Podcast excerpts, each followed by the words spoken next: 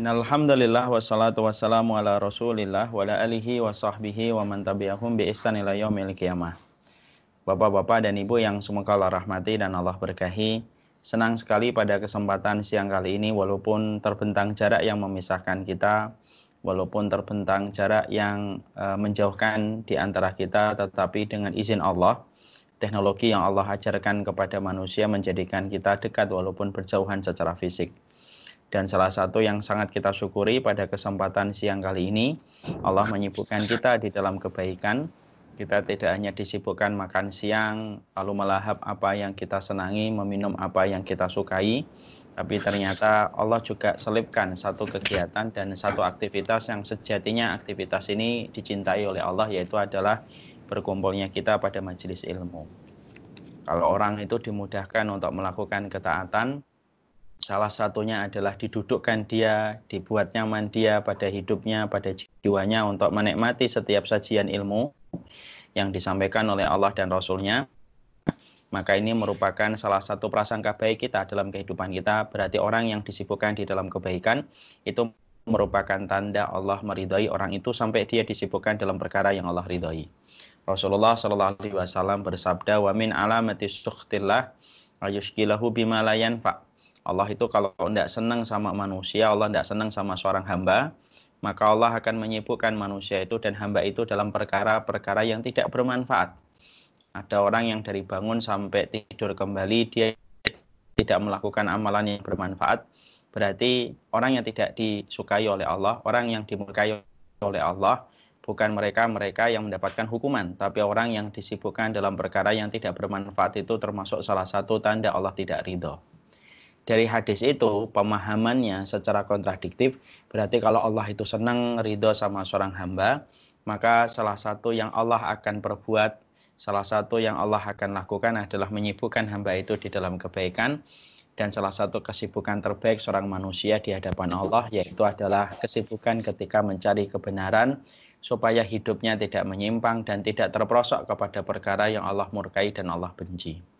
Semoga hari-hari yang kita lewati, episode-episode yang kita jumpai pada kehidupan kita, selalu akan disibukkan diri kita di dalam kebaikan, selalu disibukkan kita antara majelis ilmu dengan majelis ilmu, sebuah ilmu yang tidak membuat kita fanatik, sebuah ilmu yang tidak membuat kita gampang menghujat, tapi ilmu yang membuat kita semakin menyayangi sesama orang yang beriman, ilmu yang semakin menjadikan hidup kita berkualitas di hadapan Allah. Atas nikmat yang sangat besar ini kita bersyukur kepada Allah. Kepada Allah kita bersyukur dan kepadanya kita menggantungkan segala urusan kehidupan kita. Seluruh jamaah Unilever yang semoga Allah rahmati dan Allah berkahi.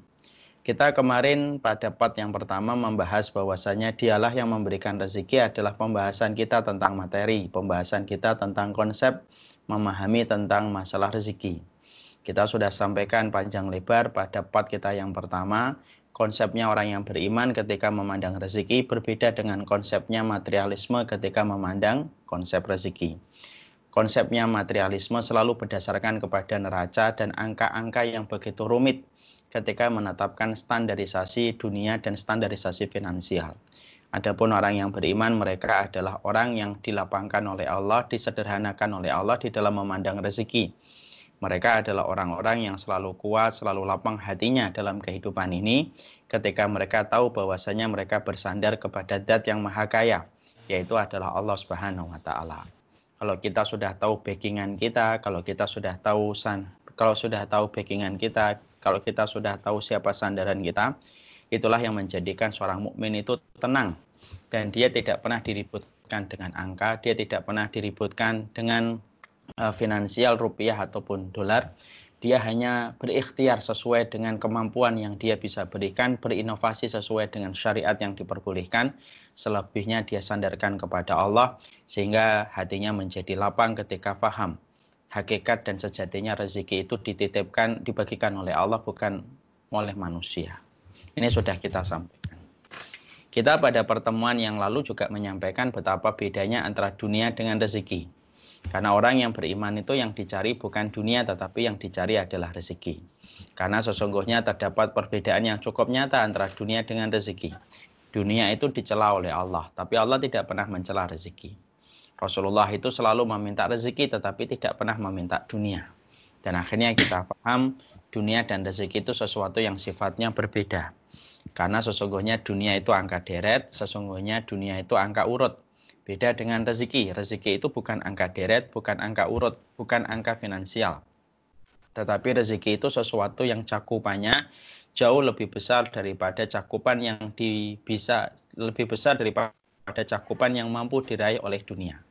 Kalaulah dunia yaitu adalah angka-angka finansial, maka rezeki itu luas. Seseorang diberikan kemampuan untuk duduk di majelis ilmu, seseorang mampu menerima nasihat, seseorang mampu rukun dengan anaknya, mampu berkomunikasi dengan istrinya, mendapatkan orang-orang yang solih, maka itu rezeki. Dan rezeki itu sesuatu yang sifatnya akan kita bawa sampai pada kehidupan di akhirat, kita masih mendapatkan kebaikan dari rezeki itu. Tapi kalau dunia, maka nilainya sudah menjadi tawar, nilainya sudah menjadi hambar ketika kita sakit dan ketika kita menuju kepada sakratul maut. Makanya orang ketika sakit, sakratul maut, berapapun yang dia raih pada urusan dunia, pencapaian materi yang dia dapatkan, sudah tidak ada lagi harganya. Karena semua tiba-tiba menjadi tawar, semua tiba-tiba menjadi hambar. Itulah dunia yang sejatinya kenikmatan dan sensasinya itu hanya bertahan ketika kita sehat dan ketika kita masih bisa ke sana kemari.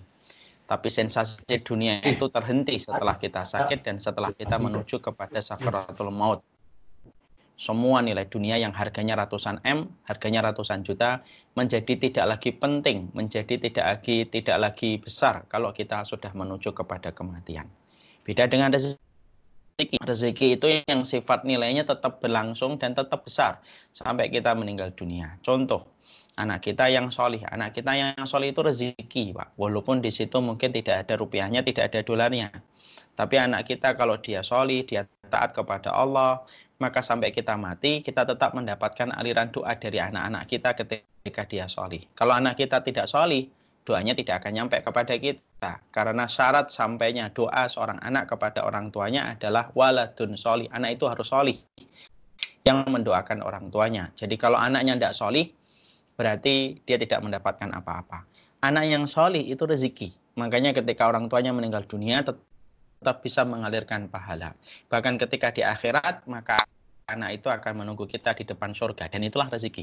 Makanya puncak dari semua rezeki yang Allah berikan pada kehidupan kita, yaitu adalah surga. Allah mensifati surga itu adalah rezeki terbesar pada kehidupan manusia. Makanya yang kita minta kepada Allah setiap pagi sebelum mentari menghangatkan bumi apa? Rezeki. Kenapa kok nggak minta dunia? Karena sesungguhnya dunia itu sementara yang sifatnya nilai yang, yang sifatnya akan menjadi tawar dan hambar segera setelah kita sakit. Tapi kalau rezeki maka sesungguhnya nilainya semakin tinggi, semakin tinggi sampai kita meninggal dunia pun masih memiliki rezeki tersebut. Itulah hakikatnya. Seorang mukmin mereka tertuntut untuk mendapatkan rezeki. Kalau orang tidak beriman, maka yang dipikir itu hanyalah dunia dan betapa bedanya itu menjadi tujuan dari masing-masing orang yang memiliki dari masing-masing kedua itu ketika memiliki pengikut. Dunia ada pengikutnya, rezeki ada pengikutnya. Semoga kita termasuk abna rezeki kita ini adalah penuntut atau pengikut-pengikut rezeki. Yang kita cari adalah rezeki dan rezeki tidak selalu dengan angka deret dan angka nominal yang kita peroleh dan kita masukkan pada rekening kita. Itu sudah kita pahami. Sekarang yang membuat kita harus mengerti, setelah Allah memberikan rezeki dan memberikan kecukupan pada kehidupan manusia, pertanyaan besarnya, kenapa terkadang kita masih merasa kurang? Karena perasaan merasa kurang ini merupakan salah satu penyebab banyaknya kerusakan. Orang yang merasa kurang dengan apa yang dia dapat, maka dia akan menjual dirinya. Berapa banyak perempuan-perempuan diberikan oleh Allah fisik yang baik, diberikan oleh Allah kelebihan, tetapi dia justru menjual fisiknya kepada laki-laki untuk melakukan perzinahan. Hanya orang yang rela operasi plastik hanya untuk ini, hanya untuk itu, padahal itu merupakan dosa besar. Banyak orang yang rela menjual ayat-ayat Allah supaya mendapatkan sekeping dari kehidupan dunia. Banyak orang yang rela melepaskan kebenaran lalu menggadekan kebenaran hanya untuk mendapatkan sekeping dari kenikmatan dunia. Karena merasa kurang dalam urusan dunia itu bisa berbahaya kalau tidak disikapi dengan keimanan. Ketika kita tahu bahwasanya merasa kurang dalam urusan dunia itu bisa menjadi sebab banyak kerusakan, Tidaklah ayat Allah dijual kecuali karena orang merasa kurang dalam takaran rezeki sampai akhirnya dia menjual ayat Allah supaya mendapatkan dunia yang berlebih. Tidaklah seorang perempuan sampai melepaskan kain-kain bajunya, kancing-kancing bajunya, kecuali karena dia merasa kurang dengan apa yang Allah sudah bagikan sampai dia menempuh jalan pintas yaitu adalah dengan menjual dirinya. Pertanyaan kita, kenapa terkadang kita merasa kurang dalam kehidupan takaran rezeki yang sudah Allah bagikan untuk kita? Takaran Allah tidak salah, takaran Allah beserta dengan sayangnya, takaran Allah bersama dengan hikmah. Pertanyaan kita, kalau rezekinya sudah dibagi oleh Allah sesuai dengan takarannya, sesuai dengan sifat adilnya, sesuai dengan sifat rahmatnya, sesuai dengan sifat kasih sayangnya. Tapi kenapa banyak di antara kita, tak terkecuali diri kita, kadang-kadang ketika sedang lemah iman, kita selalu merasa kurang padahal sudah diberikan oleh Allah berlebih dari rezeki yang Allah berikan kepada kita. Nah, kita harus tahu ada penyebab-penyebab kenapa seseorang itu akhirnya dia menderita sebuah sindrom merasa kurang dengan apa yang telah dia dapatkan dan tidak pernah merasa cukup. Inilah yang harus kita mengerti. Bagaimana petunjuk yang disampaikan Allah dan Rasulnya supaya kita mampu mendiagnosa. Kalau diri saya, diri Bapak kok tiba-tiba kita mendapati sindrom merasa kurang dengan apa yang sudah Allah bagi berarti ada sesuatu yang sedang kita lakukan dan apa yang kita lakukan itu mempengaruhi kualitas rezeki sampai akhirnya rezeki tidak mencukupi. Karena sifatnya rezeki itu sebenarnya mencukupi. Kalau sifatnya dunia tidak pernah mencukupi. Apa yang pertama yang kemudian disampaikan oleh para ulama ketika mereka menyampaikan kepada kita. Ada beberapa hal yang kemudian lima perkara yang menjadikan orang itu merasa kurang dalam masalah pembagian urusan dunia ketika Allah bagikan kepada setiap manusia dan setiap makhluk yang Allah ciptakan. Yang pertama, dikatakan oleh uh, di dalam bahasa agama kita, syariat kita, yang pertama yang menjadikan seseorang itu merasa kurang dalam kehidupan dunianya dan merasa kurang di dalam takaran rezekinya, yaitu adalah ketika dunia itu dijadikan obsesi terbesar pada kehidupan manusia. Fadil, ini kelihatannya terpotong nak kepala saya nak kameranya kurang tinggi. Ya. Cukup di kita, oke. Okay. Yang pertama adalah dunia itu dijadikan obsesi terbesar pada kehidupan manusia. Orang kalau sudah menjadikan dunia itu obsesi terbesarnya, ada salah satu hadis yang akan menyorot dan menjadikan spotlight ketika seseorang itu sudah menjadikan dunia itu obsesi terbesar pada hidupnya. Apa hadis yang ada relasi, ada relevansinya, ada koneksinya dengan apa yang kita dapatkan pada poin yang pertama. Rasulullah SAW itu berkata di dalam hadis yang sahih, "Mangkanat hamuhud dunya ja'alallahu faqrahu baina ainaihi wa wa faqrahu baina ainaihi wa farraqa alaihi syamlahu wa lam yatihi dunya ila ma lahu." Rasulullah Sallallahu Alaihi Wasallam di dalam satu riwayat BHQ menyampaikan barang siapa orang yang menjadikan dunia itu tujuan terbesar pada obsesi hidupnya, maka Allah akan memberikan kepadanya tiga hukuman sekaligus. Apa yang pertama? Yaitu adalah ja'alallahu faqrahu baina ainihi. Allah akan jadikan kacamata kefakiran tepat di pelupuk matanya. Masya Allah ya. Bahasa Rasulullah itu indah. Jadi kalau ada orang sudah yang dia pikirkan, yang dia selalu pikirkan yaitu adalah urusan dunia terus dari semenjak dia bangun sampai kemudian dia tidur, tidak ada yang menyibukkan pikirannya, tidak ada yang menyibukkan jiwanya, kecuali adalah bagaimana dia mendapatkan dunia, maka hukuman yang pertama yaitu Allah berikan cash dan kontan. Ja'alallahu faqrahu baina ainihi. Maka Allah itu akan menjadikan kefakiran tepat di pelupuk matanya. Kefakiran tepat di pelupuk mata itu apa? Sebagaimana kacamata yang terlihat minus. Jadi di matanya itu terlihat minus. Dia mendapatkan satu miliar, maka dia kurang. Mendapatkan 3 miliar, dia akan kurang. Mendapatkan 5 miliar, dia akan terasa kurang. Kenapa? Karena yang bisa menjadikan cita rasa rezeki itu mencukupkan itu hanya Allah. Ingat, yang mampu menjadikan hati manusia cukup itu Allah. Mana dalilnya kalau kecukupan itu hanya mampu dilakukan oleh Allah dalam sifat dan perbuatannya yang suci dan agung. Allah menyampaikan dalam surat At-Talaq, "Wa may yatawakkal 'alallahi fahuwa hasbuh." Barang siapa yang bertawakal kepada Allah, maka kami yang mencukupi. Berarti kalau Allah menegaskan Allah yang mencukupi, berarti kecukupan itu miliknya Allah, bukan miliknya makhluk. Dan Allah tidak pernah menjadikan kecukupan bagi mereka yang selalu menjadikan dunia itu tujuan terbesar pada hidupnya. Makanya apa? Akan terlihat kurang. Pernah kita melihat ada orang mampu korupsi 100 miliar, padahal yang dia butuhkan pada hidup berapa ratus juta sih sebenarnya. Sebenarnya nilai dunia pada kehidupan kita itu kalau kita melihat diri kita pada bulan Ramadan. Dunia itu sebenarnya sederhana, Dunia itu sebagaimana ketika sahur dengan tiga potongan kurma plus air putih dan ketika berbuka dua gelas ditambah satu gorengan pun sudah cukup. Tapi pertanyaan kita, kenapa banyak orang itu ketika sudah diberikan 10 miliar bisa dia korupsi 15 miliar? Dia sudah mendapatkan harta yang banyak. Kekayaannya dihitung gitu. Sudah 7 miliar sebelum menjabat, tapi setelah itu dia mampu untuk korupsi sampai puluhan M sampai ratusan M padahal dia sudah memiliki 10 sampai 12 M yang dia peroleh dan dia dapatkan.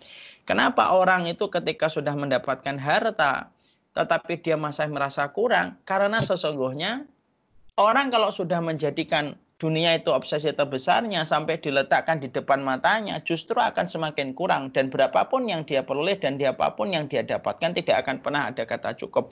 Karena cukup itu miliknya Allah dan Allah tidak pernah membersamakan kecukupan kepada mereka yang rela meninggalkan ridhonya Allah hanya untuk menjadikan dunia itu tujuan terbesar pada hidupnya. Tidak pernah cukup Pak. Kok ada orang korupsi sampai 30 M? Orang korupsi sampai 50 M kalau. Kenapa begitu banyak? Kenapa segitu banyaknya uang yang sudah dia dapatkan? Sebenarnya dia sudah mendapatkan 10 M dalam kondisi yang halal, tapi dia akhirnya menambahnya dengan 20 M yang haram. Karena kecukupan itu bukan angka deret. Kecukupan itu miliknya Allah. Makanya bukti yang bisa kita relate dalam kehidupan bahwasanya kecukupan itu miliknya Allah. Oke, okay, kita ambilkan pada lapangan kehidupan. Berapa banyak orang dia punya anak tiga, tiga juta cukup. Tapi ada orang yang lainnya satu keluarga, dia anaknya satu, gajinya 10 juta, tapi kemudian tidak pernah cukup. Kok bisa? Eh memang bisa. Dan definisinya itu memang terkadang tidak bisa dijabarkan secara logika, tetapi harus diimani. Ada orang gajinya 10 juta, anaknya cuma satu, tidak cukup. Ada orang gajinya 3 juta, anaknya tiga, tetapi terasa cukup. Orang tuanya terasa rukun dalam hari-hari mereka dan penuh dengan keharmonisan. Makanya kalau ada orang sudah menjadikan dunia top sesi terbesar itu tidak akan pernah ada kata kecukupan pada kehidupannya. Wa farraqa alaihi syamlahu. Allah pecah belah semua urusannya. Semua urusannya tidak ada yang berkualitas. Walam ya'tihi dunya ilama qudiralahu. Ditambah lagi dia tidak mendapatkan rezeki tapi hanya mendapatkan dunia yang Allah bagikan untuknya. Makanya Masya Allah ya. Kita harus melatih hati kita dan jiwa kita untuk berlatih dan meringankan beban hati kita supaya tidak terlalu lama memikul dunia dan selalu mengkaitkan semuanya itu dengan dunia. Selalu katakan kalau apa pun yang terjadi pada kehidupan kita, yang menimpa kita itu urusan dunia. Katakan sama kejadian yang kaitannya dengan urusan dunia. Allah cuma dunia. Dibuat ringan aja.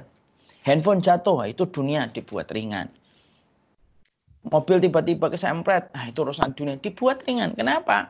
Supaya hati kita terlatih ketika kita ringan meletakkan urusan dunia dan tidak menjadikan dunia obsesi terbesar pada kehidupan kita, maka Allah yang akan memberikan kecukupan pada hati dan jiwanya. Dan kecukupan itu miliknya Allah. Yang kita kejar sebagai orang yang beriman itu bukan angkanya.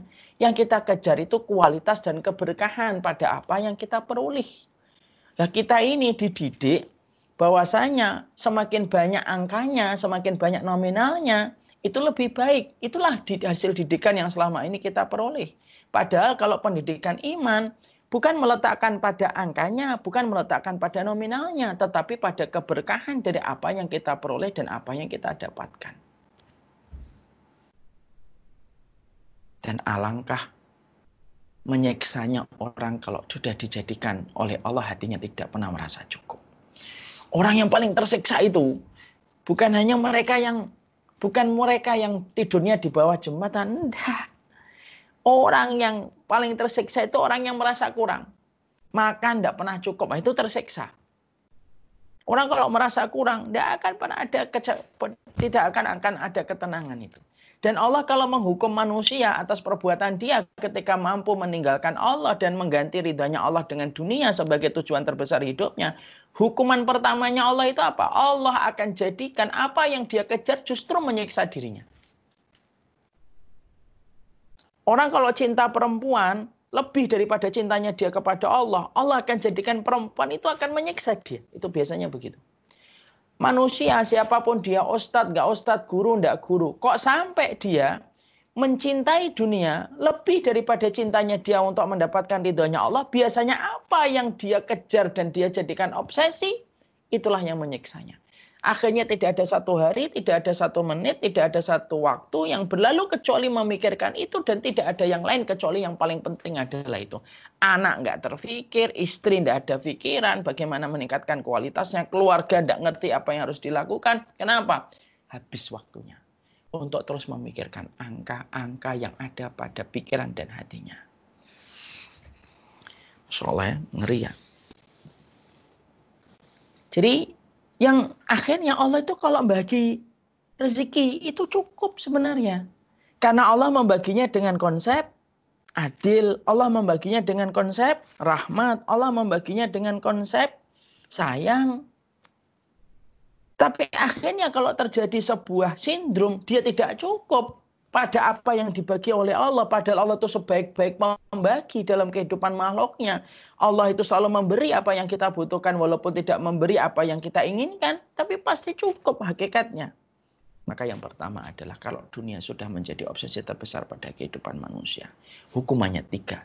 Dijadikan tidak pernah cukup. Dibelah-belah urusannya sama Allah. Tidak ada yang berkah dan tidak ada yang berkualitas. Dan dia tidak mendapatkan rezeki tapi hanya mendapatkan dunia yang sejatinya dunia tidak pernah memberikan kecukupan kecukupan.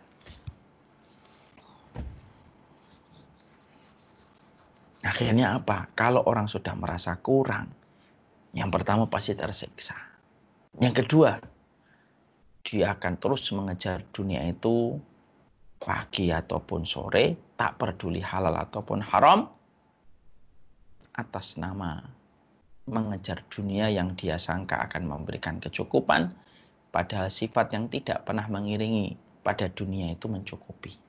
Karena sifat mencukupi itu hanya miliknya Allah dan kebersamaan kata cukup hanya diberikan oleh Allah kepada mereka yang menjadikan Allah tujuan dan bukan kepada mereka yang menjadikan dunia itu tujuan.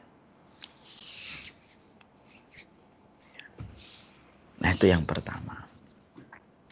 Yang yang kedua, apa yang menyebabkan seseorang manusia itu merasa kurang? Yang kedua disampaikan oleh para ulama, jahil terhadap ilmu agama.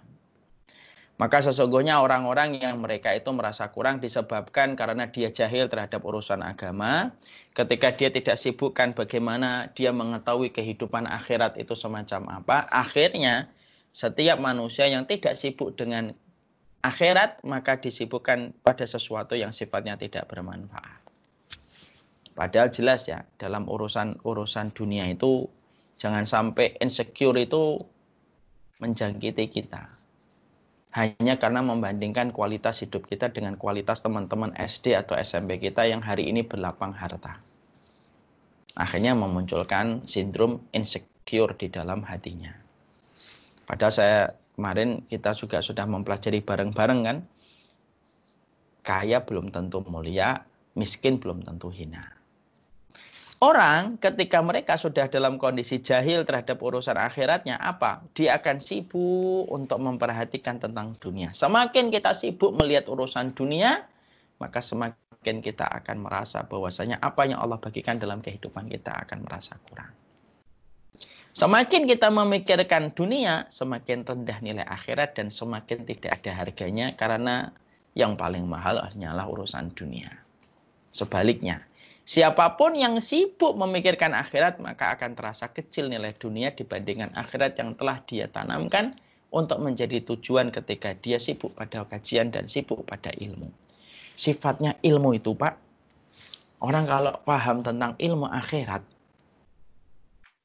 majelis ilmu akhirat itu mengistirahatkan hati kita dari kelelahan untuk ngikutin dunia. Ya kan? Karena dunia itu kalau diikutin terus perkembangannya, tidak ada habis-habisnya. Handphone kita masih ingat dulu waktu kita pertama kali menjumpai handphone ketika muncul pada kehidupan kita? Dia munculnya gede, tebel. Itu pun sudah dianggap sebagai alat telekomunikasi paling canggih saat itu. Dan orang yang punya itu menunjukkan kualitas sosialnya. Kedudukan sosialnya. Lihat, dari handphone tebel, mengecil, membesar kembali. Sekarang gede lagi Pak. Terus berkembang terus. Orang ketika tidak menyibukkan dalam urusan akhirat ketika mempelajari tentang akhirat, kematian, lama-lama semua urusan dunia itu akan menjadikan dia membesarkan, semua itu akan terasa besar dan akhirnya merasa kurang dengan apa yang Allah bagi. Ketika dia selalu melihat urusan-urusan dunia itu ketika jauh dari majelis ilmu. Padahal di majelis ilmu itu supaya hati kita istirahat. Hati kita ini istirahat yang kapan sih? Hati kita itu istirahat ketika melihat orang mati, Hati kita istirahat ketika melihat sakaratul maut. Akhirnya kita pikir kematian kita nanti kalau kita mendapatkan sakaratul maut. Hati kita itu istirahat ketika kita berada di majelis ilmu. Orang. Akhirnya kalau dia tidak pernah duduk di majelis ilmu, ketika tidak pernah mendapatkan siraman keberkahan, dari cipratan-cipratan wahyu ataupun hadis yang disampaikan Allah dan Rasulnya ketika hati terlalu jauh dari majelis ilmu tidak pernah terbasahi dengan kebenaran kitabullah dan sunnah hati yang sudah tidak mendapatkan serapan serapan kebenaran dari ilmu yang disampaikan Allah dan Rasulnya hati itu akan merasa kurang dengan apa yang Allah bagi kenapa karena dia merasa bahwasanya yang dia dapatkan jauh lebih sedikit daripada yang lainnya Makanya di dalam agama itu kalau kita paham masalah urusan akhirat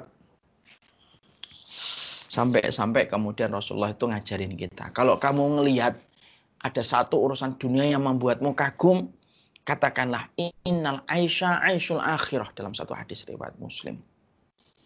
Kalau kamu ngelihat ada satu rumah, satu bangunan, satu perkara yang membuat kamu kagum pada urusan dunia, katakanlah kepada hatimu, Innal aisha aisyul akhirah. Kehidupan kami adalah kehidupan nanti ketika di akhirat. Makanya para sahabat itu mendampingi Rasulullah. Saking sibuknya mereka mendampingi Nabi untuk mendapatkan ilmu akhirat dari Nabi. Menjadikan mereka tidak pernah kagum dengan peradaban Romawi. Menjadikan mereka tidak pernah kagum dengan peradaban Persia. Ada nggak sahabat Nabi yang sampai kagum dengan Persia gitu? Yang sendoknya pakai emas? Enggak pernah. Pernah nggak para sahabat itu kagum dengan Romawi yang pakaian-pakaian tentara jubah-jubah mereka itu kelihatan gagahnya gitu? Tidak. Para sahabat itu ketika terikat hati mereka dan jiwa mereka dengan setiap kebenaran yang disampaikan Nabi, menjadikan mereka itu memandang dunia itu sekedarnya. Dan akhirnya merasa cukup dengan apa yang Allah bagikan untuk mereka. Bukan berarti tidak boleh kaya. Boleh kaya itu boleh. Yang kita sedang bedah sekarang pada poin-poin ini itu apa? Kenapa kita ini kok merasa kurang sampai akhirnya kita itu rela untuk mengambil sesuatu tak memperdulikan yang halal atau haram. Yang kedua, jauhnya seseorang itu dalam ilmu akhirat. Orang kalau sudah jauh dari ilmu akhiratnya, maka akhirnya dia tidak akan pernah merasa cukup dengan apa yang Allah beri. Yang ketiga, para ulama lalu menyampaikan apa yang terjadi yang ketiga kalau kemudian seseorang itu merasa kurang dalam hal yang dia peroleh. Yang ketiga karena sering berkumpul sama orang yang lebih kaya tetapi dia jarang kepada dia jarang berkumpul kepada mereka mereka yang lebih sedikit dan lebih minus daripada dunia yang dia dapatkan. Ada sebuah hadis yang diriwayatkan dari Imam Al-Bani, anna rajulan syaka ila sallallahu alaihi wasallam. Qaswata qalbihi faqala lahu in aratta taliyina qalbak fa'at imil fa'at imil miskin wamsah ra'sal yatim. Wamsah ra'sal yatim. Rasulullah SAW mengatakan ada seseorang itu datang kepada Nabi mengeluhkan tentang apa yang terjadi pada hatinya ketika keras. Betul ya Rasulullah hati saya keras ya Nabi. Maka Rasulullah bersabda kepada sahabat itu, kalau kamu ingin melembutkan hatimu, berilah makanan kepada orang miskin. Kalaulah kamu ingin melembutkan jiwamu, usaplah kepala anak yatim. Artinya memberikan bantuan kepada anak yatim. Maka sesungguhnya yang ketiga yang menjadikan kita akhirnya merasa kurang dari pemberian rezeki oleh Allah padahal dialah pemberi rezeki dan pemberian dan pemberian rezeki dari Allah itu tidak pernah salah takaran pasti dibagikan oleh Allah sesuai dengan takaran yang kita butuhkan sebagai manusia. Ada yang dikayakan itu ujian, ada yang dimiskinkan itu ujian. Yang ketiga, penyebab sindrom merasa kurang sampai akhirnya kita melakukan apa saja untuk mendapatkan arti kecukupan dengan angka deret yang kita tetapkan.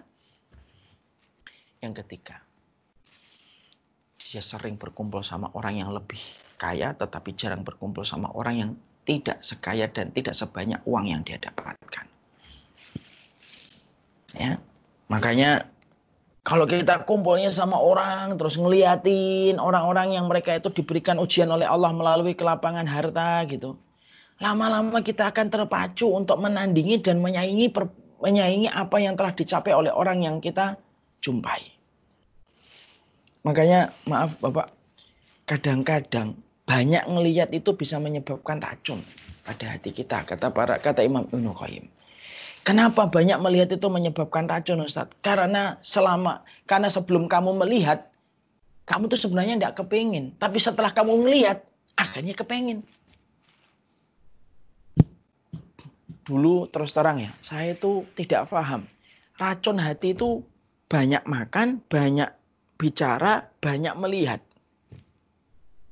Saya kira banyak melihat itu hanya melihat kepada yang lawan jenis itu yang menyebabkan kotornya hati. Ternyata saya membaca perkataan Imam Ibnu Qayyim banyak melihat itu bukan hanya melihat ke lawan jenis, pokoknya melihat orang terus.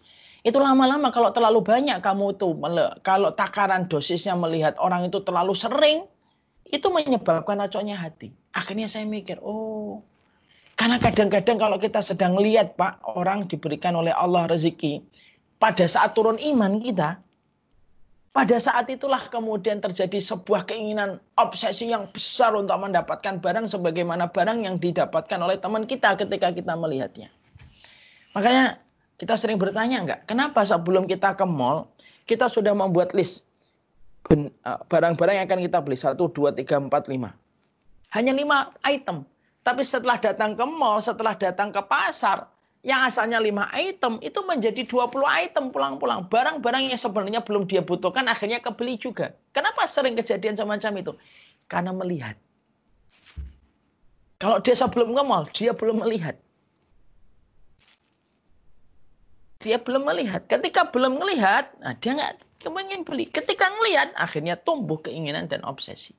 Makanya akhirnya karena manusia itu sering terpengaruh dengan apa yang dia lihat, maka Rasulullah SAW menyampaikan kepada kita, ungdurman asfala minkum.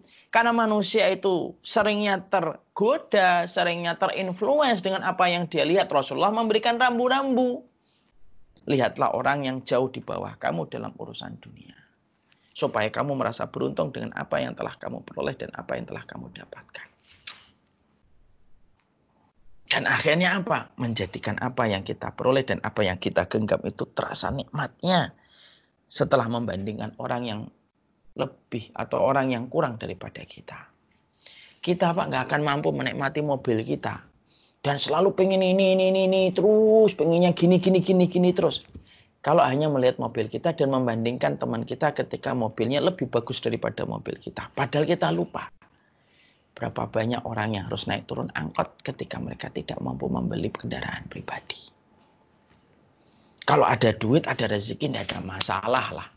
Kalau akhirnya tidak ada duit, cash akhirnya rela untuk mengambil sesuatu yang sifatnya itu dosa, hanya untuk memuaskan dia untuk mendapatkan satu barang, disebabkan dia banyak melihat dan berkumpul sama orang yang lebih daripada dia dan kurang bersyukur.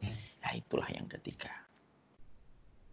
Yang ketiga adalah sering berkumpul kepada orang yang lebih kaya. Lalu dia lupa untuk berkumpul sama orang-orang yang miskin. Padahal kadang-kadang kita diperintahkan di dalam agama itu berkumpul sama orang miskin.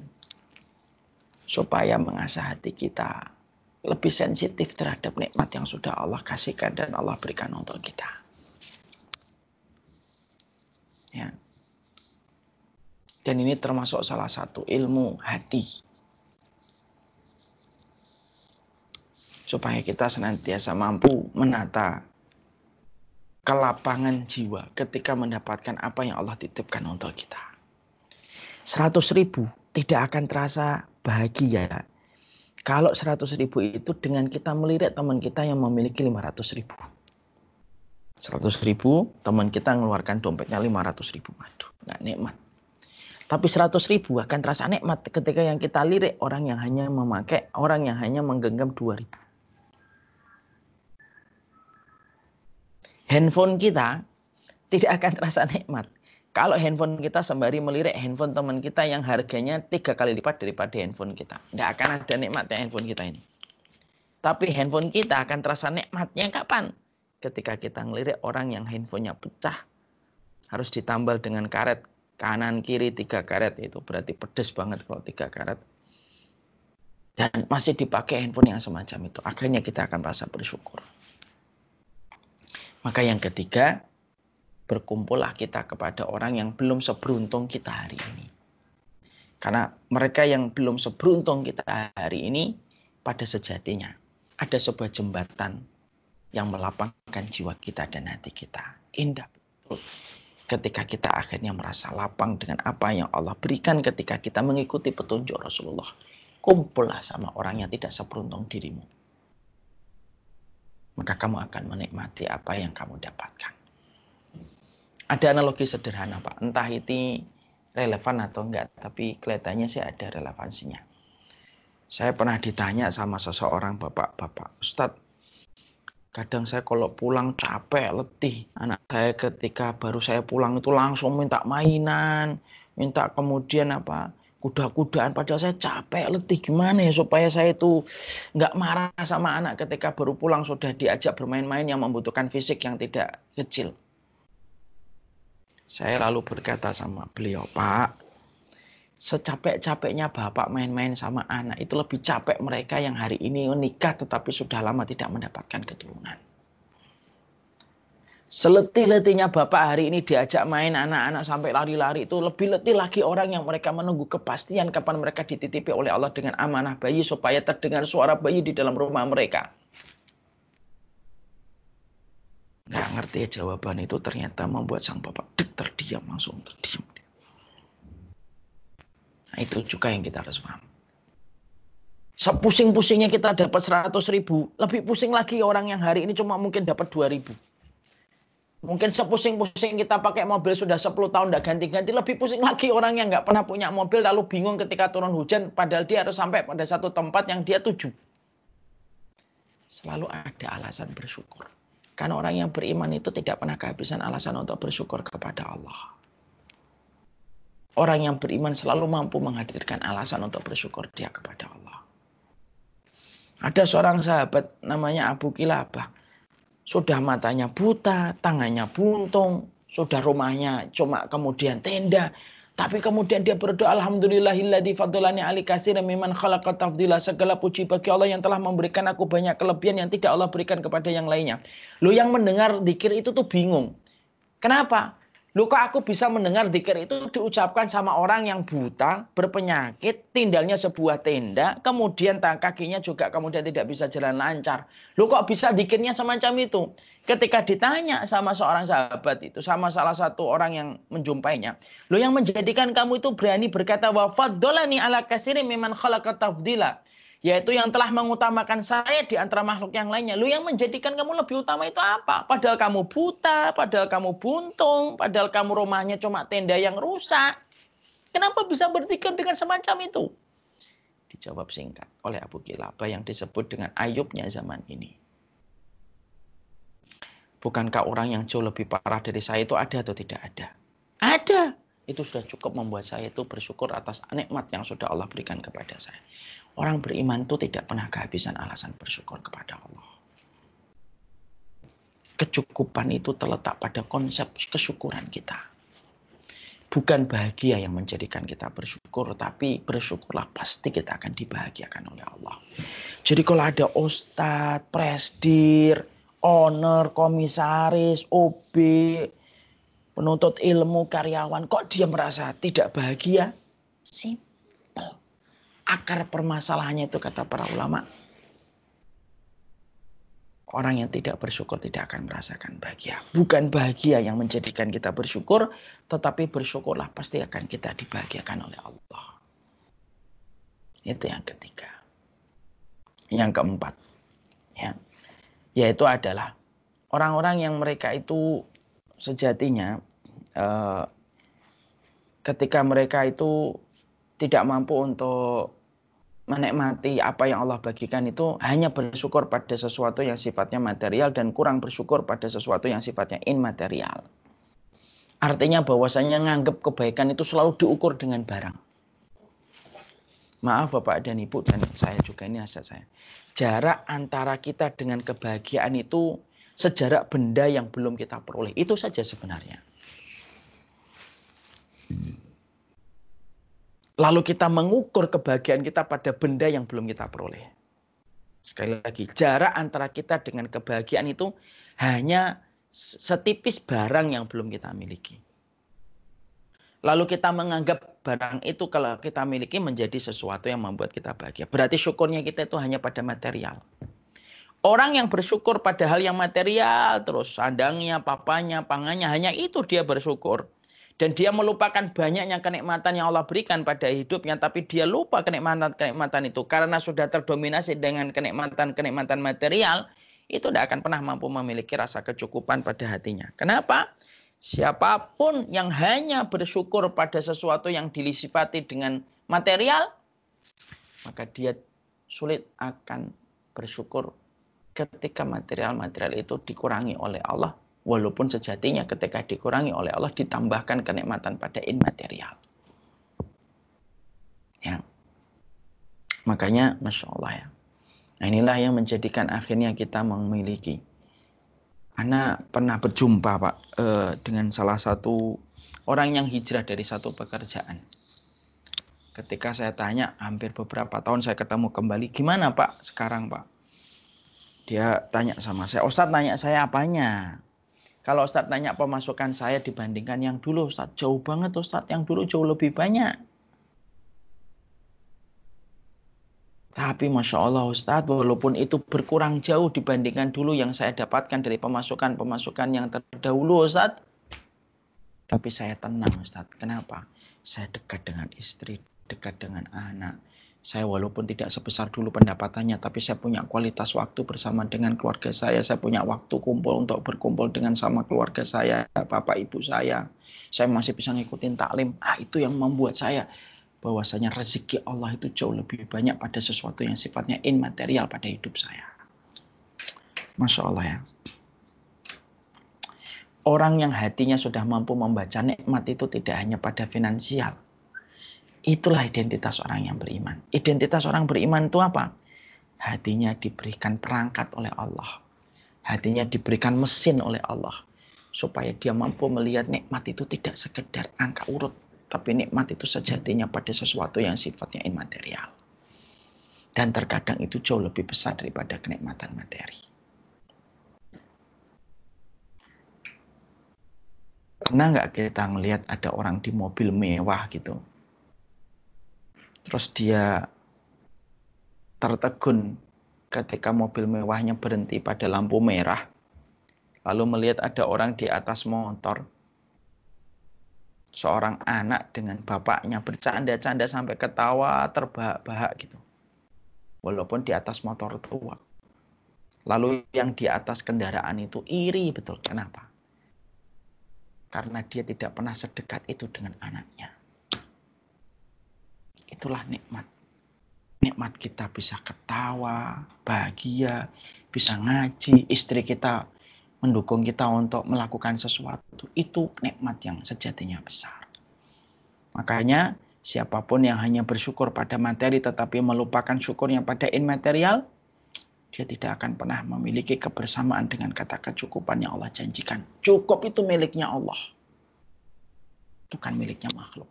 Dan cukup itu dibersamakan oleh Allah kepada mereka yang bersyukur bukan hanya yang terlihat pada kasat mata, pada sesuatu yang sifatnya immaterial pun dia bersyukur di situlah kecukupan Allah bersamakan. Dan yang kelima, qillatal mal huwal faqr Rasulullah SAW pernah pernah bertanya, apakah kalian menyangka kefakiran itu kekurangan harta? Naam ya Rasulullah, betul ya Rasulullah. Kemudian Nabi mengatakan, innamal ghina ghinal qalbi wal fakru fakrul qalbi. Sesungguhnya kekayaan itu kekayaan hati dan kefakiran itu kefakiran hati. Artinya hati yang mati itu selalu tidak akan pernah merasa cukup. Hati mati itu apa? Karena makanan haram, karena rezeki haram, karena perbuatan haram, akhirnya apa yang Allah kasih tidak akan pernah cukup dan dia baru merasakan nikmat ketika mendapatkan yang haram. Orang yang berzina itu tidak akan mampu merasakan nikmatnya berhubungan dengan suami istrinya. Orang yang minum khamar tidak akan pernah mampu menikmati minuman-minuman kecuali harus ada alkoholnya. Sama pula orang yang hatinya mati, orang yang hatinya mati sejatinya ketika hatinya mati, di situlah dia tidak akan mampu merasakan nikmatnya sensasi rezeki yang Allah bagikan karena sesungguhnya menikmati apa yang Allah berikan itu harus satu frekuensi dengan apa yang Allah berikan, yaitu adalah hati yang beriman dan meninggalkan dosa. Nah inilah yang menjadikan akhirnya kita memahami konsep kaya, eh konsep kaya bagi kalangan materialisme itu adalah rumah di jalan-jalan protokol. Barang-barang branded. Itulah konsep kaya bagi kehidupan materialisme. Tapi konsep cukup bagi orang yang beriman yaitu adalah ketika kita dibersamakan oleh Allah dengan kata kecukupan. Yang kita khawatirkan bukan sedikitnya harta. Yang kita khawatirkan bukan sedikitnya finansial. Tapi yang kita khawatirkan adalah ketika Allah itu memberikan kekurangan pada hati. Karena orang yang merasa kurang, berapapun dia peroleh, tidak akan pernah ada kata cukup karena kacamata kefakiran tepat di pelupuk matanya. Makanya marilah kita berdoa di akhir materi kita ini salah satu doa indah yang diajarkan oleh Rasulullah. Allahumma la taj'alid dunya akbaru hammina mablagha ilmina. Ya Allah, jangan engkau jadikan dunia itu tujuan terbesar hidup kami. Dan jangan engkau jadikan ilmu tujuan terbesar dalam kehidupan kami mencarinya. Dan jangan engkau jadikan dunia menjadi tujuan kami mencari ilmu. Itulah yang diajarkan oleh Rasulullah. Berarti selesai kajian kita tentang masalah dialah yang memberi rezeki bukan mereka. Takaran Allah itu tidak pernah salah. Takaran Allah itu penuh dengan keadilan. Takaran Allah penuh dengan rahmat. Kalau yang kalau ada yang merasa kurang dengan takaran Allah, maka pasti ada penyebab-penyebab yang menjadikan apa yang Allah takar itu menjadi kurang di hadapan makhluknya. Kalau Allah itu salah menakar sampai ada yang merah, ada yang kurang, berarti Allah itu tidak alim, tidak maha ilmu kalau masa ada yang kurang. Tapi sejatinya Allah itu tidak pernah salah di dalam menakar. Yang salah itu bukan takarannya Allah. Tapi manusia yang mereka itu melakukan sesuatu yang menjadikan takaran Allah itu terasa kurang. Sama dengan air hujan. Air hujan itu ketika Allah turunkan, itu sesuai dengan kebutuhan bumi. Kalau sampai berlimpah dan akhirnya menjadi ini, biasanya kan ada sesuatu yang terjadi di bumi itu sampai akhirnya air itu meluap. Wallahualam bisawab. Semoga Allah memberikan keberkahan bagi kita semuanya termasuk saya yang menyampaikan dan semoga kita terjaga dari fitnahnya dunia yang mampu menghanyutkan kita di dalam kerusakan dunia dan akhirat kita. Wassalamualaikum Muhammad. Ini yang dapat saya sampaikan. Saya serahkan kembali kepada pembawa acara. Oke, alhamdulillah. Terima kasih Ustaz. Uh, pencerahannya hari ini saya kalau dibolehkan saya menarik beberapa poin Ustaz. Jadi kalau di sesi pertama kita udah bicara konsep rizki itu bukan uh, berhubungan dengan materialisme, di mana kaya itu belum tentu mulia dan miskin belum tentu hina. Kemudian di sesi kedua ini kita membahas tentang Eh, perasaan merasa kurang, di mana ada beberapa penyebab, ternyata ada lima yang bisa saya tangkap, di mana dunia itu sebagai obsesi terbesar, di mana hukumannya adalah kefakiran itu akan te di tepat berada di pelupuk mata dari orang-orang yang menjadikan dunia sebagai obsesi terbesarnya. Kemudian uh, jahil terhadap ilmu agama dan uh, di mana sebenarnya hakikatnya menggali ilmu akhirat adalah untuk mengecilkan uh, nilai dunia dia akan kita Uh, kemudian jika kagum dengan dunia tadi juga Ustadz menyampaikan katakanlah bahwa kehidupan kami nanti ada di akhirat. Kemudian yang ketiga adalah sering berkumpul dengan orang kaya ternyata juga menjadi salah satu penyebabnya di mana kita juga dianjurkan harus sering melihat kepada orang yang jauh lebih kurang dari sisi sisi dunianya untuk uh, menjadikan nikmat yang uh, dari rahmat yang, nikmat yang udah kita miliki itu menjadi jauh lebih terasa nikmatnya. Kemudian yang keempat uh, hanya mampu uh, bersyukur pada material saja, sedangkan lupa kepada uh, nikmat yang immaterial ya Ustaz ya. Ya. Uh, kemudian yang kelima kondisi hati yang mati dan uh, merasa tidak cukup. Uh, kita buka sesi yang kedua, Ustaz. Mungkin uh, tanya jawab di chat kita udah ada beberapa pertanyaan, Ustaz. Mungkin saya izin menyampaikan. Silakan, yang pertama Bapak. dari Uh, Ibu Lamia Zahro, Assalamualaikum Ustaz, bertanya bagaimana jika manusia Ibu. rajin ibadah tetapi menganggap bahwa uh, dia pantas mendapatkan rezeki itu karena ibadahnya, misal sholat duha supaya lancar rezeki dan urusan hari ini, begitu Ustaz. Iya. Ibu yang semoga Allah rahmati, Ibu Zahra, sesungguhnya hmm ibadah yang Allah syariatkan kepada kita itu hakikatnya bukan untuk membangun dunia yang sejatinya kita akan tinggalkan dan sejatinya dunia ini pasti rusak. Rusak karena berlalunya waktu ataupun rusak ketika malaikat Israfil meniupkan sangkakala. Tapi sejatinya syariat ibadah itu Allah berikan kepada kehidupan kita menjadi kewajiban untuk memperbaiki dan untuk membenahi urusan akhirat kita. Sholat kita untuk membangun rumah kita di surga. Sodakoh kita membangun rumah kita di surga. Sholat duha kita membangun rumah kita di surga. Karena ibadah itu, ibadah itu rasa cita, rasanya cita rasa rumah kita di akhirat. Bukan rumah kita di dunia. Allah itu membagi dunia kepada kita bukan berdasarkan ibadah. Salah.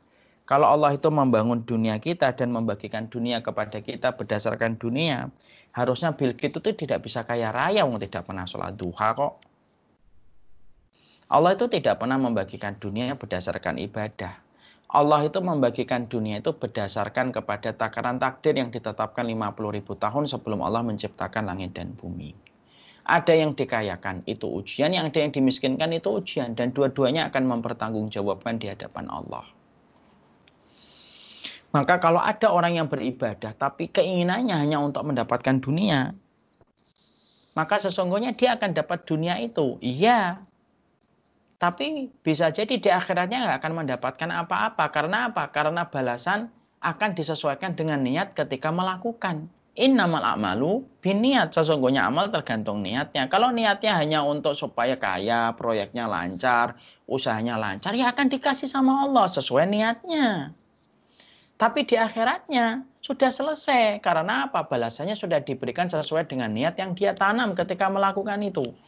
Makanya salah satu perbuatan dosa besar itu apa? Meniatkan ibadah untuk akhir, meniatkan ibadah untuk dunia itu yang betul-betul Allah benci.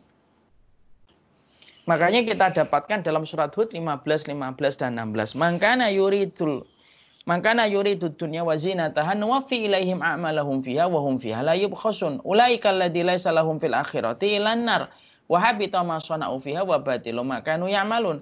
Orang kalau dalam kehidupan dunia hanya ingin dapat dunia, kami akan kasihkan mereka itu dunia sesuai dengan apa yang mereka lakukan dan niatkan.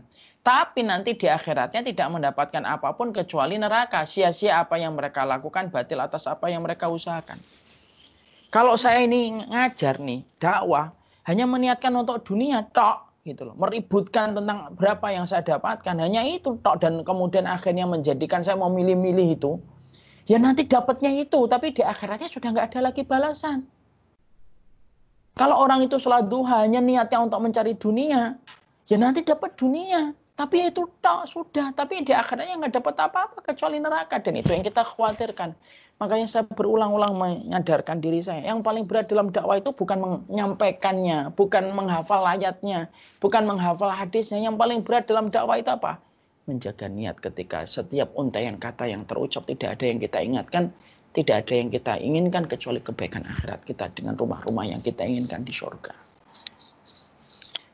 Sholat duha, sholawat, semuanya itu untuk Allah, untuk akhirat.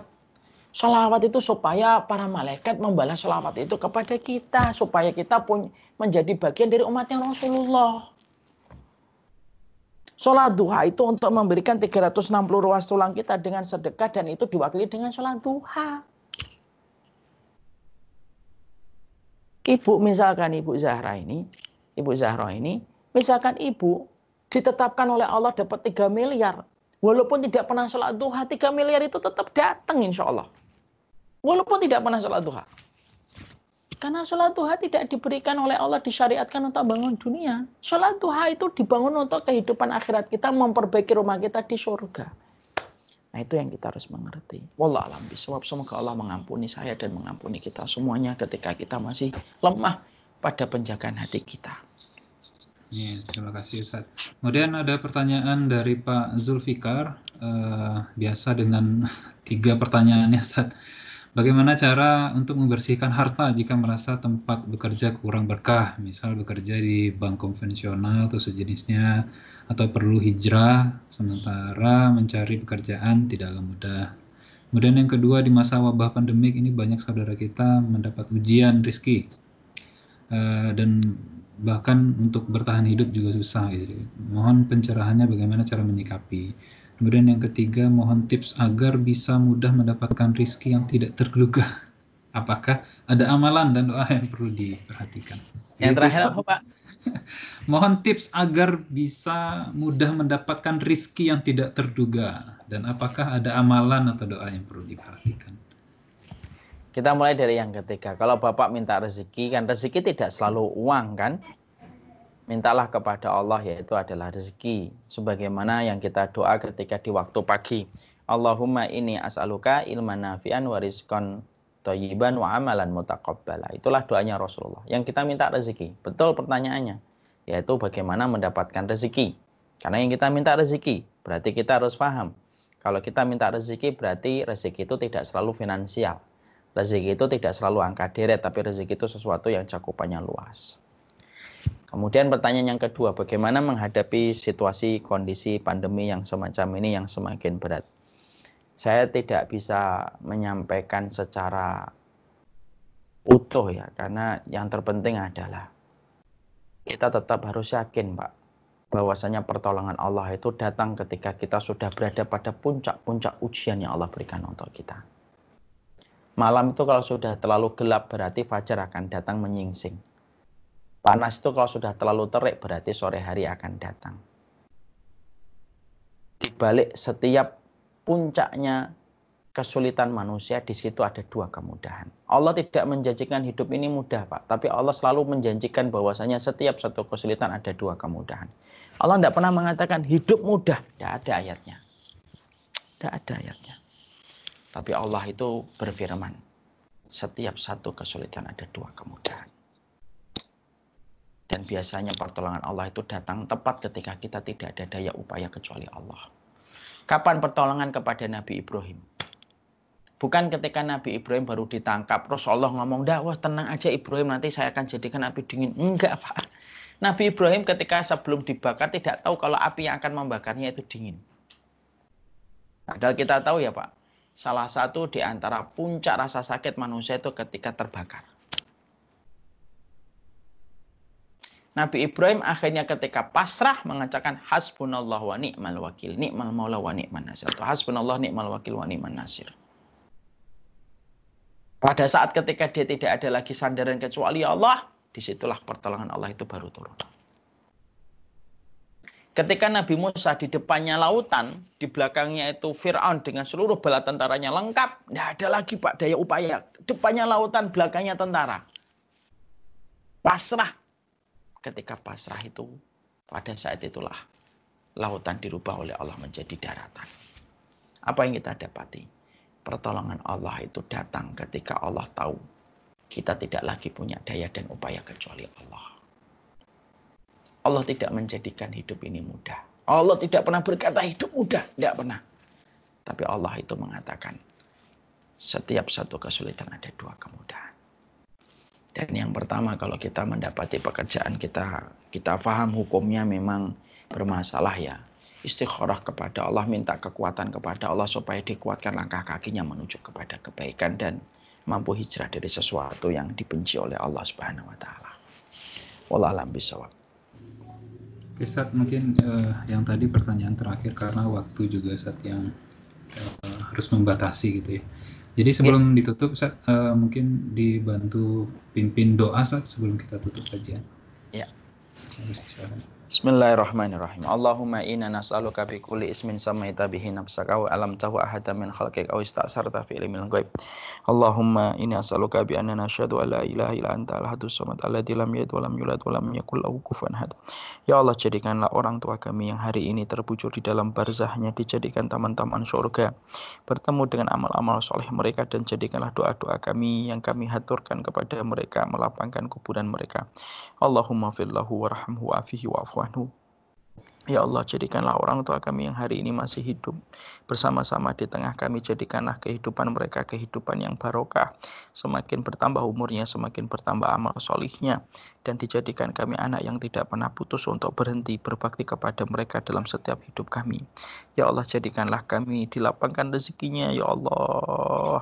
Dan jauhkanlah kami dari dunia yang bisa merusak kami dan dunia yang apabila tercampur dengan barang yang haram bisa merusak kehidupan akhirat kami, Ya Allah maka lapangkanlah rezeki kami, lapangkanlah rezeki kami, lapangkanlah rezeki kami, ya Allah. Cukupkanlah apa yang kau takar untuk kami, ya Allah. Karena kecukupan milik engkau, bukan milik kami selaku makhlukmu.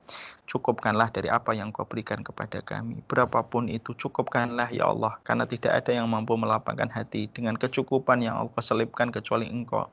Rob yang menguasai kehidupan hati manusia. Ya Allah, jauhkanlah keluarga kami dari harta yang haram, jauhkanlah keluarga kami dari sesuatu yang syubhat.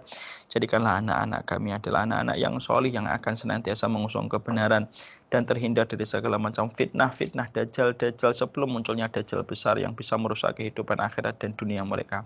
Jadikanlah anak-anak kami yang akan memberikan syafaat kepada kami dan jadikanlah anak-anak kami yang akan memanggil kami di pintu surga, Ya Allah. Karena itulah rezeki terbesar yang kau berikan kepada kami. Wassalamualaikum rabbil alamin. Alhamdulillah. Sudah selesai uh, kajian Mbak Zuhur kita.